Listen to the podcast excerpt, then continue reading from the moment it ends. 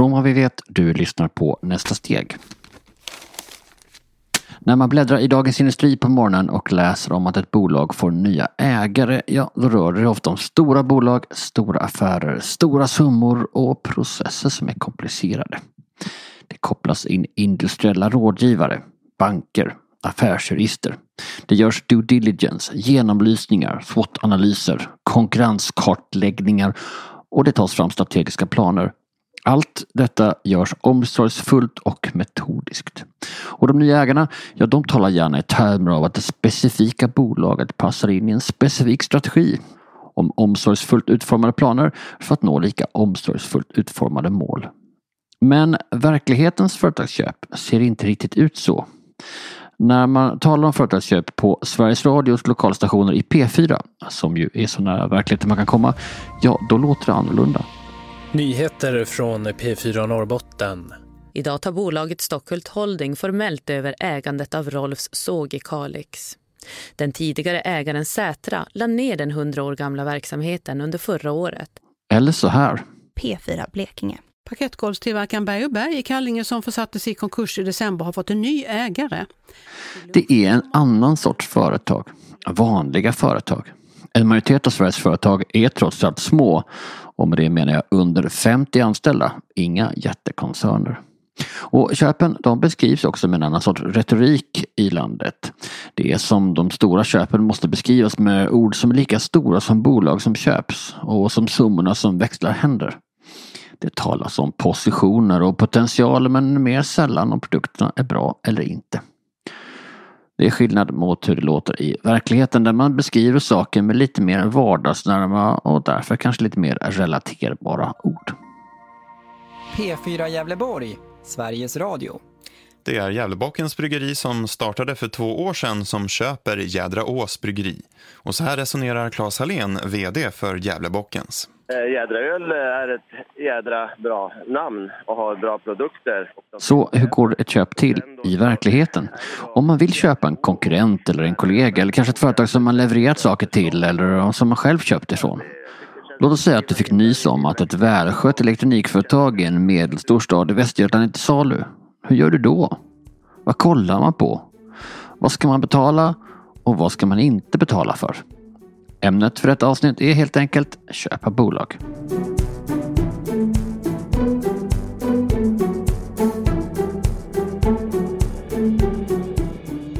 Blunda och tänk på ett industriområde i utkanten av en medelstor svensk stad. De ser likadana ut av någon anledning. Och det här området på Charlottebergsvägen i utkanten av Allingsås är inget undantag. Först ser man en premack vid infarten där bjuder de på kaffe när man tvättar bilen och just nu har de korv för 19 kronor.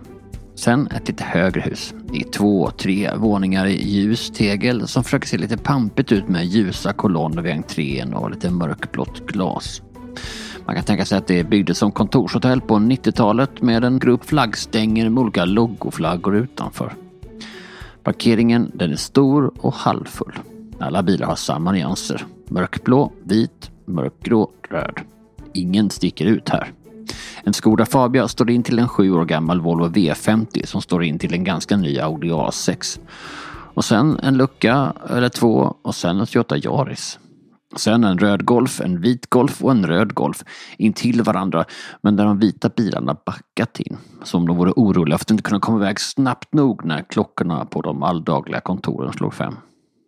På nästa tomt ett annat hus i tegel. Där finns en outlet för skor och en bilrekonditioneringsfirma på baksidan som håller till i en blå plåthall. H och M Fordonsvård. De har 100% handtvätt, säger en skylt. Därefter kommer en parkering där flera husbilar står inhägnade med ett rutnät. Och efter det en skyltfabrik. Och efter det ett gult tegelhus i två delar. Fokus för det här avsnittet. Det är en högre del där det ser ut som man ägnar sig åt tillverkning och en lägre enplansbyggnad där det ser ut som man ägnar sig åt administration. Det finns ingen skylt på huset men det finns en skylt som är minst tio år gammal vid vägen. En liten pil på väg mot parkeringen och som pekar mot entrén. Skylten har en logo, Altronic. Och det är där jag stannar bilen.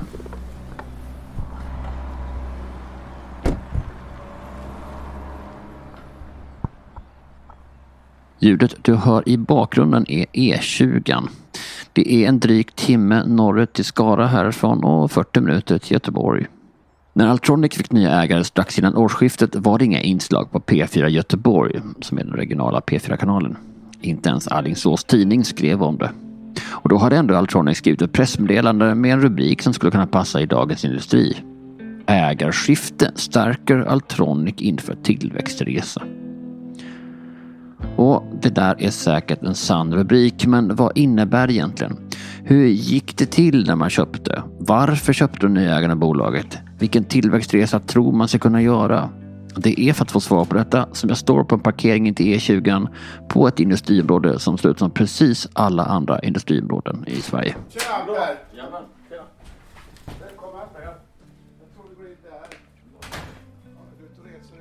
Det där är Peter Eriksson, en ny ägare och ny VD sedan årsskiftet. Altronic AB grundades 1983 och har alltsedan starten haft som affärsidé att konstruera och producera kundanpassad elektronik. Ja, så står det på hemsidan. Inte jättetydligt kanske, så låt oss börja där. Då inleder jag med frågan Altronic, vem fakturerar vem och varför? Det var en synnerligen bra fråga. Eh, ja, vem som fakturerar det är naturligtvis Altronic. Och varför vi fakturerar det? Förmodligen är det så att vi kan tillföra ett värde till våra kunder i någon mening. Mm. Eh, och ärligt talat, ibland så vet ju inte vi vem som är vår kunds kund. Så därför kan jag inte i alla lägen tala om varför vi fakturerar. Men vi har vad vi kallar en verktygslåda för elektronisk produktion. Eh, och det, vad vi menar med det, det är att vi är med allt ifrån när någon kund vill skapa, konstruera någonting till en färdig komponent, alltså ett, oftast ett kretskort i någon mening. Mm. Som sitter i telefoner, bilar, eh, radioapparater, vad det nu är. Allt som har elektronik att göra. Innan Peter och tre vänner tog över bolaget i december 2020 var han VD för ett annat bolag, en av Altronics underleverantörer. För ett drygt år sedan, vi snackar alltså våren 2020, så blev det bolaget uppköpt av ett tyskt bolag. Peter lämnade och sen började han fundera på om han inte skulle göra något kul med Altronic. Och hur länge har du känt till Altronic?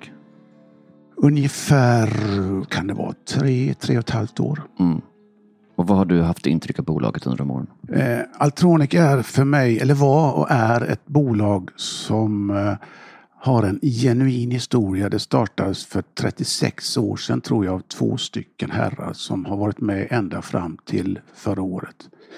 Och för mig så borgade det eh, eh för något genuint. Och vi kommer säkert in på det senare men har man lyckats driva ett sånt här bolag i 35 år så, så finns det någon kärna, det finns någonting i bolaget som på något sätt jag tror att vi gick igång på. Och det var de gick igång på är lite svårt att ringa in. Det har att göra med signaler som det krävs lite erfarenhet för att uppfatta i kombination med att han redan följt bolaget. Peter gör flera försök att förklara det här för mig men summerar det så småningom som att vad vi såg tror jag det var att, att eh, kan vi bara tillföra lite mer av affärsmannaskapet kan vi tillföra lite mer inköpskompetens så kommer vi att kunna göra det här ännu bättre. Elektronikföretag i Allingsås. Kan det verkligen funka, tänker du nu kanske? Inte minst med tanke på hur fort utvecklingen i den branschen går alltså. Men uppenbarligen, Peter förklarar branschens logik så här. Vi lever i en bransch där teknikutvecklingen är extremt snabb. Samtidigt ska man veta att är man i industriell teknik så går inte den lika snabbt som annan typ av teknik som telefoner eller datorer eller någonting. Där lever elektroniken mycket, mycket längre. Tillbaka till Peters analys. Jag frågar om de gamla ägarna. Var det så att de var trötta och därför ville sälja? Jag ska inte recensera de tidigare ägarna. De har gjort ett fantastiskt bra jobb i 35 år. Ja, en elegant svar på min kanske lite okänsliga fråga. Peter pratar hellre om vad de kan tillföra än vad som fattades innan. Det är två saker om jag ska förenkla det. Det, det ena är ett, ett, ett större affärsmannaskap, ett, ett, ledarskap som vi kan tillföra någonting. Det andra är en inköpskompetens. Alltså en, en stor del av liksom, värdet i det här, det är hur man lyckas sourca komponenter. Mm. Och där har vi, vi kommer ifrån distributionsledet, så vi har ett genuint långt och stort kontaktnät i det här. Den stora kostnaden och den potentiella förtjänsten ligger i hur man köper in komponenter. Det ligger inte hur man producerar. Vilket med måste vara extra stökigt i dagar som dessa när liksom råvarupriser sticker åt alla möjliga håll och kanter. Då är kanske den inköpskompetensen viktigare än har den varit under några decennier med mer stabila prisbild. Ja, det råder ingen tvekan om det. Jag nämnde någonting tidigare när vi pratade, men det är en extrem situation där vi ser de riktigt stora aktörerna få slå igen sina produktionsenheter. Vi ser Volvo har slagit igen en, en fabrik i Gent på grund av att de inte får sourcing av komponenter. Vi är ju inte lika stora som dem. Vi är lite mer flexibla. Vi har ett väldigt bra kontaktnät och vi behöver inte de riktigt stora volymerna som de behöver. Vilket gör att vi har lyckats klara den här situationen som vi befinner oss i nu. Än så länge. Det här är lite abstrakt och kanske inte ens viktigt. Men för att förstå vad vi pratar om känner jag ändå att jag behöver förstå vad de gör. Peter uppfattar mitt behov av konkretism. Så han reser sig och så hämtar han ett kretskort ur det glasskåp som faktiskt alltid finns i ett konferensrum eller entrén på tillverkande företag över hela landet. Ett litet skåp där man kan visa upp sina grejer för besökare. Så han öppnar dörren och ger mig en pryl. Hur stor är en sån mikroprocessor? Ja, den är sådär. Vi har ett kort här jag kan titta på. Jag kan ta den här, en sån här exempel. Den där eh, betalar vi normalt sett kanske 5 dollar för. Den är uppe i 125 nu. Man behöver ju inte vara ekonom för att inse att när något som kostade 5 nyss kostar 125 nu så påverkar det lönsamheten. Och man behöver inte vara strategikonsult för att inse att det kan innebära en risk för bolaget när komponentpriser fluktuerar hejvilt. Så jag undrar hur de gick tillväga om de gjorde en sån här rejäl due diligence för att lysa genom bolaget. Peter skakar på huvudet. Han hade något bättre. Han hade någon på insidan. För en av dem han köpte bolaget tillsammans med var hans föregångare som VD. Han som var VD innan vi kom in här, han är fortfarande kvar i bolaget och har och hade en genuin erfarenhet, kompetens och insyn i bolaget. Eh, och det han inte visste, eller eh, det var inte värt att veta. Men det är klart att när vi, när vi närmade oss det här bolaget eh, så gjorde vi en genomlysning på en del saker. Inte på det traditionella sättet där man tittar på eh, vad är bolaget värt i form av diskonterade kassaflöden eller substansvärde eller sådär. För mig var det ointressant, utan jag tittar på andra saker. Jag, jag tittar på hur ser kundbasen ut? Eh, vilka kunder har man? Hur ser eh, personalomsättningen ut där? Har man stor personalomsättning? Eh, kan låta trivialt, men för mig pekar det på att det finns någonting liksom i, att, att bygga vidare på. Vi tittade på, finns det några risker i bolaget? Alltså, hur ser kundreskontran ut i den meningen? Har man mycket förfallna kundfakturor? Har man några tvister? Sådana saker. Stöka undan det. Det finns inte. Det är ett rent snyggt bolag. Så det Peter beskriver är ett annat sätt att bedöma ett bolag på. Men kanske lika mycket värt som ekonomisk genomlysning. Vad de försökt göra var att sätta värde på relationerna. Har vi några tvister? Har vi missnöjda kunder? Har vi en hög personalomsättning? Fast nu går vi kanske händelserna i förväg. Innan dess hade man förstås kollat in branschen, säkerställt att den hade framtiden för sig. Vi går in i en tid där vi kommer att se kommunikation i någon mening i gigantiska proportioner. Kommunikation människa till människa, äh, människa till maskin, maskin till maskin etc. Mm. Där elektronik är en ingående beståndsdel i det mesta. Så det. den fanns där. Check, den fanns där. Så har man tagit reda på det så är det såklart, vem skulle inte vilja äga en elektronik som komponentproducent i Alingsås? Ja, lite så var det för mig. Jag kan inte produktion. Däremot så ser jag, eller såg vi, att den här branschen den växer och kommer att växa. Vi ser liksom ingen ände Nej. i det här. Då. Eh, så där är grunden. Sen tittar vi, när vi går in och tittar på det här företaget. De tittade på bolaget och såg att de kunde tillföra något. Peter berättar att som en slags bas för att utvärdera köpet så är det bra att fråga sig om man kan sköta det minst lika bra som tidigare ägare. Inte för att man vill sköta likadant, men som ett sätt att ha en baslinje för att kunna göra en hypotes, för att kunna beräkna om man kan slå det. Vilket förstås får mig att undra om det också det varit ett scenario, att fortsätta driva på samma sätt. Nej, säger Peter. Kan vi inte tillföra någonting, då ska vi inte göra det här. Nej. Det, det är liksom den enkla matematiken för mig. Om inte vi tror att vi kan tillföra någonting, då ska vi inte göra det här. Nej, för man ska inte bara vara passiv ägare utan man ska göra något nytt för att det är skojigare. Nej, men där pekar du också, tycker jag, på något viktigt. att Man måste ju ställa sig frågan om man ska förvärva ett bolag idag. Så måste man ju ställa sig frågan, varför gör jag detta? Gör jag det för att jag ska investera och tjäna pengar eller ska jag vara med att tillföra någonting i verksamheten? Och för oss är det ju, jag brukar säga på våra ledningsmöten så är det, det måste vara lustfyllt. Det måste finnas en genuin lust, en känsla för att vilja göra någonting. Och det ligger bakom mycket varför vi, varför vi fyra nu har gått ihop och köpt det här bolaget. Vi, har, vi tror att vi kan tillföra någonting ovanpå det som man har gjort i 35 år. Frågan är förstås, vad är det värt? Och då kommer den svåra frågan, hur mycket är det värt? Det beror på vem du ställer frågan till. Ställer du den till banken, till säljarna eller till köparna? Just det. Nej, men jag, det är klart, jag ska inte raljera, men det som jag sa förut när vi tittar på de här riskerna, vi tittar på, på historien, så räknade ju vi... Eh, jag, jag tittar på hur mycket tjänar man. Jag gjorde en en, mycket, mycket, mycket enkel och tittade hur mycket tjänar man. Och så tog jag ett snitt på tre till fem år tillbaka och gjorde en multipel på det. Svårare än så var det inte för mig. Just. Eh, och sen började en förhandling. Mm. Men, men då vill jag ha sagt igen, det finns en historia i bolaget som är 35 år. Det finns två personer som är med i nästa fas. Och vi hade tittat, eliminerat de eventuella risker som fanns. Kom till slutsatsen, det kan vara värt så här mycket. Om inte vi kan tillföra någonting till det här bolaget utöver det de har gjort i 35 år, då ska vi inte göra det här. Det är klart att vi tror att vi kan tillföra någonting. Och det är det vi måste kunna påvisa, både för externa parter som finansiärer. Vi måste kunna påvisa det till våra medarbetare, till våra kunder, att vi kan tillföra någonting.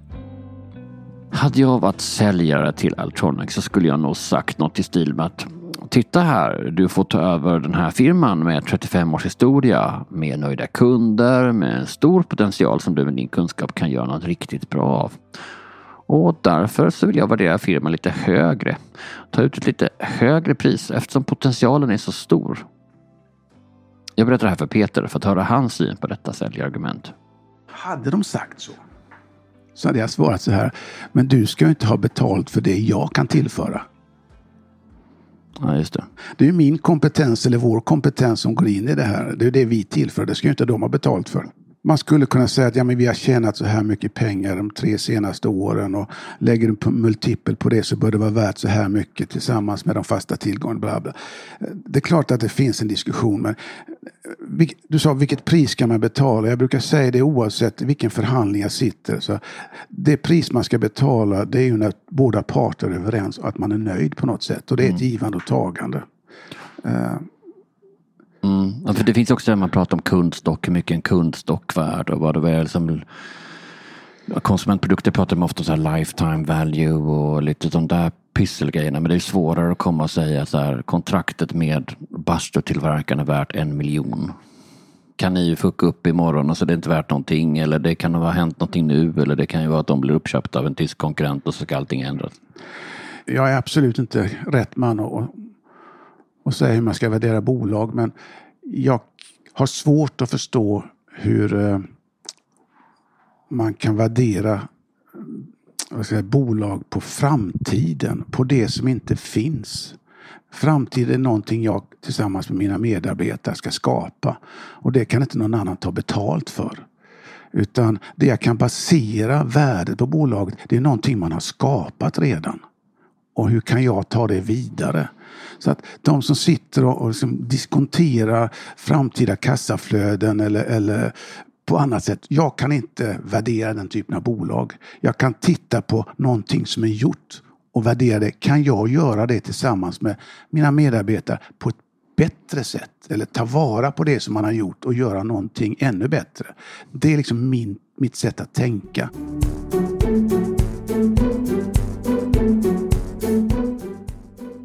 Problematiken med det är ju naturligtvis att de som ägt ett bolag i 35 år, som tagit vad som var ingenting och gjort det till någonting, att de kommer tycka att det är värt så mycket mer.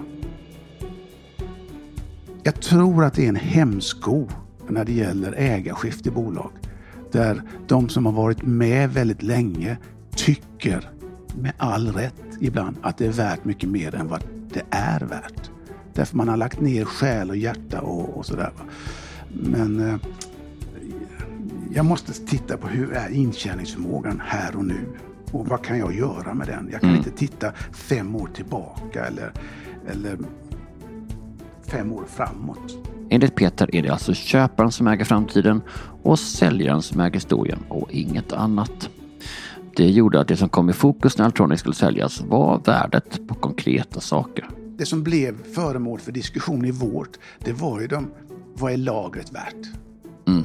Vad är fastigheten värd? Ja. Där var vi tvungna lite grann att ta, ta in extern hjälp för att få nyansera debatten på något sätt, eller det. diskussionen. Eh, för, för det som är framtiden, det är ju någonting vi ska tillföra. Mm. Det ska ju inte de ha betalt för, tycker jag. Det Det- de inte har gjort, det ska de inte ha betalt för. Det de har gjort, det ska de ha betalt för.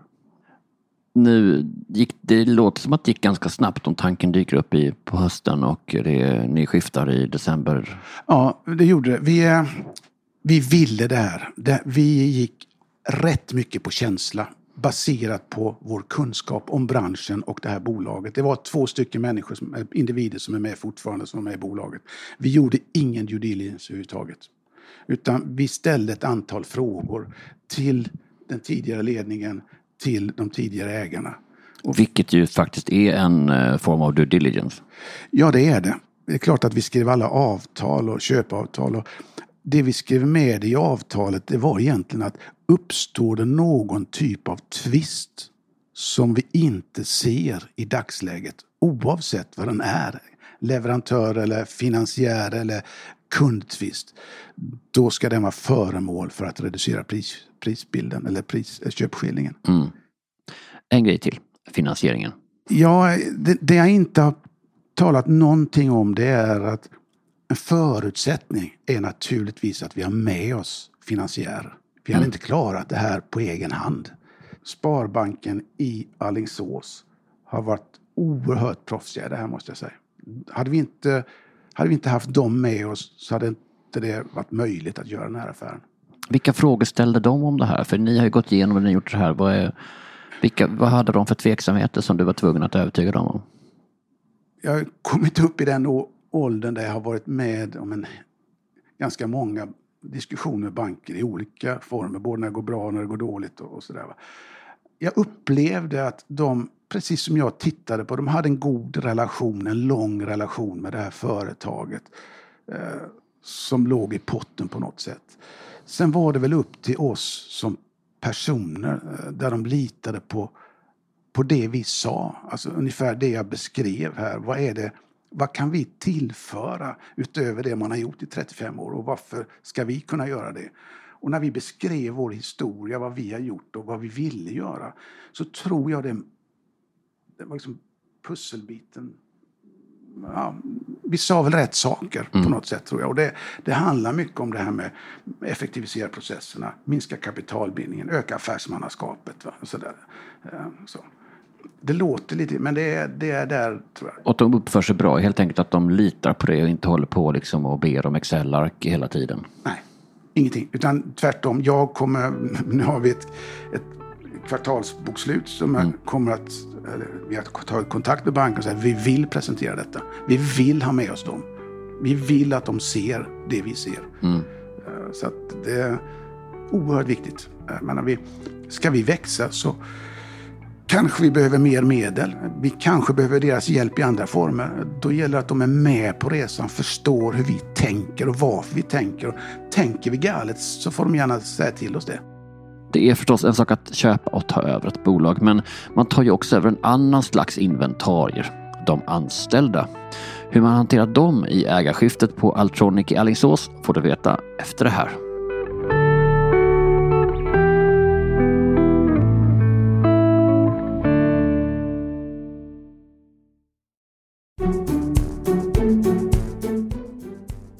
Konferensrummet på Altronic i Alingsås byter vi samtalsämne. Det är ju en sak att få med sig säljarna på idén att köpa bolaget. Att få med sig de anställda, ja det är en annan sak. Vi bestämde oss direkt att vi måste bygga vidare på det man har gjort bra tidigare. Vem är man i det här? Man är personalen. Man har gjort någonting som är riktigt, riktigt bra. Det ska vi fortsätta med. Och för att fortsätta med det så måste man fortsätta bygga på den kultur som finns i bolaget. Det är en klyscha att säga medarbetarna är den bästa resursen. Det är det. Jag kommer från idrotten själv och jag brukar likna ledarskapet med idrotten eller föräldraskapet i den meningen att eh, Går man ut elva man på planen så måste alla veta. Alla vet vad man ska göra. Mm. Det ena, vi är här för att vinna den här matchen. Mm. Och kan jag bara förmedla motsvarande bild till alla medarbetarna här. Så det, det, är nummer ett. Det andra är att jag måste lita på att den som är back eller den som står för logistiken, han gör, hon gör sitt bästa vid varje given situation. Med det sagt så kanske inte man är på topp jämt, men man gör det. Och Eh, den som spelar är målvakt, han gör sitt bästa. Och det kan man inte gnälla eller klaga när man har en dålig dag. Utan ställ upp och hjälp till egentligen. Det är väl det som jag tycker är den här kulturen. Att eh, det är, jag brukar alltid säga det här, laget är mycket viktigare än jaget. Alltså, det, summan av individerna är otroligt stark. Eh, och det låter kanske lite märkligt men kan jag få in det synsättet så är det en av de viktigaste framgångarna. Den mänskliga faktorn är förstås ett problem och då talar jag förstås om ägarna. För när någon dyker upp och säger hej hej, vi är nya ägaren så tänker ju förstås alla okej, okay, nu blir det stök, här kommer någon peppig jävel som gjort och sagt och tycker att han kan tillföra grejer. För sånt, det kan ju väcka irritation, ont blod, tolkas som kritik för att man inte kan allt redan och ska man dessutom dra ner på personal? Jag tror att det bygger mycket på eh, personligheten. Vi, vi har ett väldigt öppet klimat här. Vi informationsträffar, vi berättar hur det går, eh, ständiga möten. Vi har gått igenom en, eh, en rätt tuff period nu där vi var tvungna att reducera eller minska manskapet med x antal personer. Det är klart att det skap, borde skapa en viss oro ovanpå att det kommer in nya ägare. Men vi upplever inte alls det. Eh,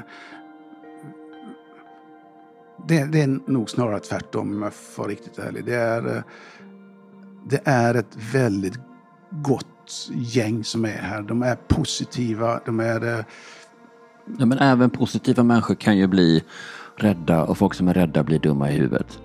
Så vad kommunicerade du då? Var det så här, vi ska fortsätta som nu men lite mer eller? Och, och hur mycket jag, kommunicerar du? Jag är väldigt tydlig. Jag kommunicerar eh, det vi vill. Jag har sagt att eh, vi ska bli större. Eh, det måste vi bli för att vi ska kunna återinvestera i i, i produktionen, i utbildningen. Alltså, det är inte för att vi ska tjäna mer pengar utan det är för att vi ska återinvestera det. För vi måste bli bättre. Mm. Vi måste bli effektivare. Och det är någonting som de gillar. Mm. Sen huret beskriver, hur ska vi göra detta? Och där lyssnar vi väldigt mycket. Jag lyssnar på, mina, mm. på alla de här. Sen behöver inte alla, det behöver inte vara rätt. Någon måste fatta beslutet. Men den öppna dialogen är otroligt viktig för oss. Det låter lite som att man både pekar med hela handen och erbjuder en hand att hålla i, tänker jag.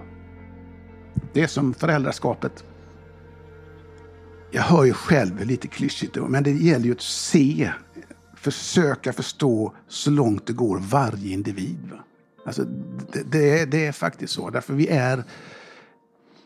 Min uppfattning är att vi är väldigt, väldigt olika. Mm. Bara jag ser och hör tillräckligt bra så, så får jag en typ av dialog eller en diskussion. Ja, men samtidigt tänker jag det här, det är också en klyscha med föräldraskap. Jag menar, jag har två tonåringar i puberteten. De befinner sig ju i en omställningsprocess. Föräldraskapet hamnar man ju i lägen där man inte förstår någonting heller vad man ska göra för att liksom, de här individerna förändras. Eller man befinner sig i en stor förändringsprocess. Liksom. Jag är själv förälder och har gjort massa misstag i mitt föräldraskap. Men någonstans, så, så, som jag sa innan, om jag vid varje given tidpunkt gör det bästa jag kan. Ska man säga då till pubertala tonåringar och anställda, här vet jag inte riktigt vad jag håller på med? Eller? Ja. Vi fattar det här beslutet, men vi är inte riktigt säkra. För att förstå verksamheten, för att höra medarbetarnas idéer inför utvecklingen framåt, så har Peter haft samtal med alla som jobbar här. Det har också varit tillfällen att fånga upp och adressera orosmoment innan de hunnit växa till sig. Inga vad man kallar medarbetarsamtal eller utvecklingssamtal. Det är inte det, utan det är ett öppet samtal med varje individ. Och då säger jag det att jag uppskattar om du gör saker.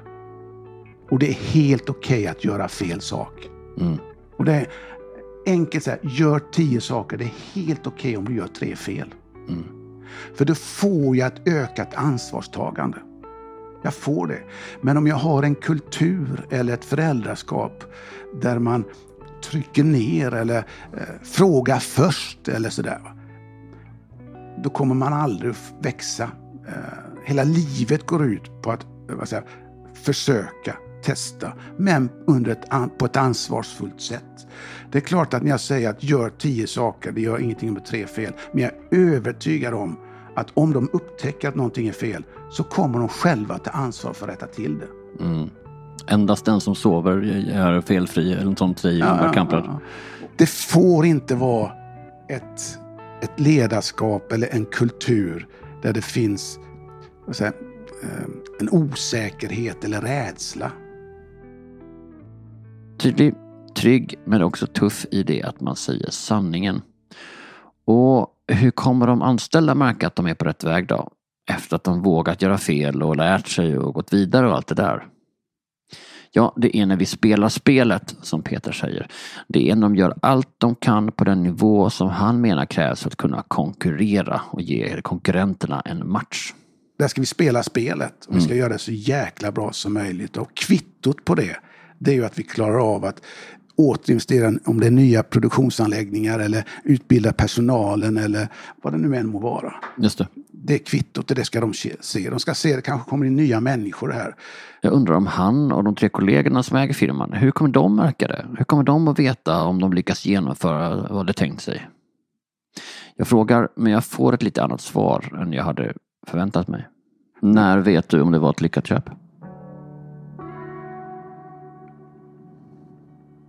Den dagen vi skrev på avtalet. Han menar att de gjort sin läxa, att de förstått vad de kunde tillföra, att de säkrat finansiering etc. De hade helt enkelt köpt ett pris som båda parter var nöjda med. De inom citationstecken visste att de hade gjort allt de kunnat. Samtidigt, tiderna är ju stökigare än någonsin, eller så känns det i alla fall. Och det finns lite fakta som tyder på det också. Priser på mikroprocessorer stiger i höjden, pandemin ställer till med grejer, vad som helst kan hända kort sagt. Ändå är Peter så säker på att han köpt rätt bolag att det när jag frågar honom om att spekulera i orsakerna till att de hypotetiskt skulle gå dåligt om två år så svarar han att Då är det fel på oss. Mm. Då har vi gjort någonting som är galet. Mm. Då har vi gjort någonting som är fel. Jag Men, menar... Alltså då är, det, då, är det då är det enkelt, så då är det du som är dålig ägare? Ja, det är det. Det är inte fel på medarbetarna. Det är inte fel på kunderna. Det är inte fel på finansieringen. Utan då har vi gjort någonting som är galet. Mm. Eller att pandemin fortsätter i fyra, fem år till. Det, det, är någonting vi inte råder över. Men, mm. men det kan vi bortse från. Det kan jag inte råda över. Utan det jag kan råda över det är hur vi leder det här bolaget. Mm. Sa Peter Eriksson, VD på Altronic i Allingsås. Eftersom Almi är vår samarbetspartner för den här säsongen av Nästa steg så får jag nu ringa en rådgivare. Och vem är bättre att ringa då än Allen Sarek som faktiskt varit inblandad i just det här förvärvet? Jag skulle då säga att han förstås inte kan berätta några detaljer eftersom det är banksekretess och det gjorde han inte heller. Så jag bad honom förklara hur det gick till när de är med och finansierar ett förvärv. Ja, men det är väl att vi tittar på bolaget som ska förvärvas, eh, vad det har för historik. Eh, hur ser branschen ut? Vad finns det för framtidsutsikter? Eh, hur ser konkurrensen ut? Eh, är det väldigt konkurrensutsatt eller är det väldigt hög tröskel för att liksom kunna etablera en liknande verksamhet? Eh, delvis det, men sen är det också väldigt mycket fokus på själva teamet som ska ta över bolaget. Det är väldigt viktigt eh, för oss att titta på. För det är ändå de som på något sätt liksom måste göra det hårda jobbet. Just eh, För att vi ska kunna vara trygga i vår utlåning om man säger så. Ja, hur viktigt är egentligen köparen? Men ibland när man pratar om förvärv så är det så väldigt mycket, det känns som att man har bara tittat på det i Excel-ark och gjort olika analyser. Det är väldigt instrumentellt och ja. kliniskt. Jag skulle vilja säga att det, det är helt avgörande. Eh, personerna bakom hela tiden. För alltså det spelar ingen roll hur bra siffror du har eller hur bra budget du har kunnat eh, lägga fram och motivera. Men är det liksom inte rätt personer som ska driva det så finns det väldigt stor risk att det inte kommer gå som planerat. Mm.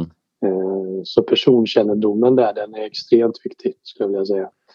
Eh, de flesta idéer tycker jag, alltså inte bara vid förvärv men även generellt vid olika affärsidéer så tycker jag inte att det är inte alltid på själva affärsidén det kan fallera utan affärsidén kan vara hur bra som helst. Men är det fel personer som vi inte känner liksom kan rodda detta på ett bra sätt, det, det är då det kan fallera. Liksom.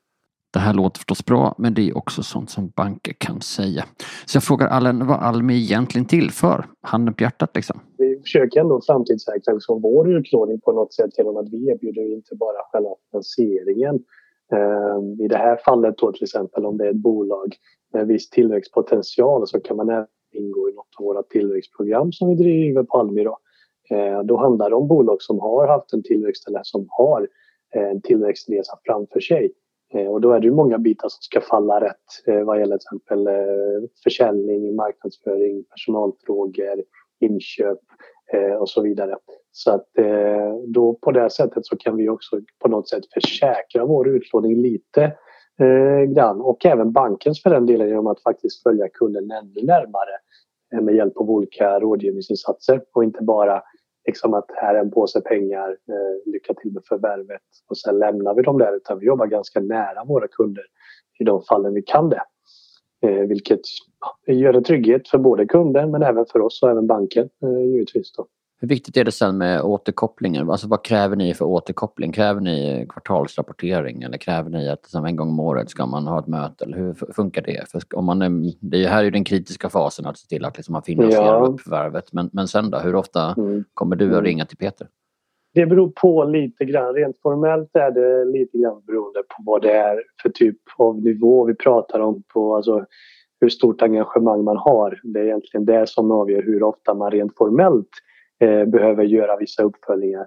Eh, men sen har ju vi med många av våra kunder ändå uppföljningar lite mer löpande för att man hör av sig i olika sammanhang och då stämmer av löpande liksom hur det går. Eh, och eh, ja, så att eh, man kan säga att det, fin det, finns, det finns olika nivåer på det. Mm. De allra flesta gånger så brukar vi göra uppföljningar en till två gånger per år. Mm. Eh, men ibland kan det bli fler gånger kanske inte lika formellt många i vissa eh, fall men vi, vi, har liksom, vi har god uppföljning med våra kunder och vi har liksom eh, vi har en bra relation och vi följer dem på resan. Det är oftast vid ett förvärv då till exempel, ja, men då är det ju förvärvskrediten som är det absolut viktigaste. Sen kanske om ett år, då kan de komma tillbaka och så kanske man säger att ja, men nu har det ändå det har gått bra nu första året men nu ska vi faktiskt göra det här som vi har planerat för tidigare. Kan ni vara med och hjälpa oss på den resan? Och då är man liksom inne i ett annat skede med kunden då för att hjälpa dem ta nästa steg så att säga. Just det, när de tar nästa steg. Därmed tackar jag Allen Sarik i allmänhet och Almi i synnerhet för att de var med och sponsrar det här avsnittet. Som företagare har jag lärt mig det mesta genom att lyssna på andra. Så vilken företagare tror du skulle uppskatta att lyssna på dagens avsnitt? Använd dela-knappen i poddappen och välj om du vill messa eller mejla eller använda andra kanaler. Dela det här i sociala medier så ska du använda hashtaggen nästa steg. Då hittar ännu fler då. Missa inte nästa avsnitt genom att klicka eller följa prenumerera din poddapp så eh, går du inte miste om något. Jag vill också tipsa på att vi har ett konto på Insta kallat www-företag eller ja, oh, enkel-v, Där vi också delar med oss av knep som inte får plats i podden och det gör vi löpande. Tack för idag och om du vill lyssna på ännu ett avsnitt, kolla då bakåt i flödet här i din app. Där hittar du massor med bra avsnitt om olika ämnen där jag träffat företagare som är på väg att ta nästa steg. Och kanske är det just det steg som du funderar på som de kan ge dig råd om. Till nästa gång, ta hand om dig och ta hand om ditt företag.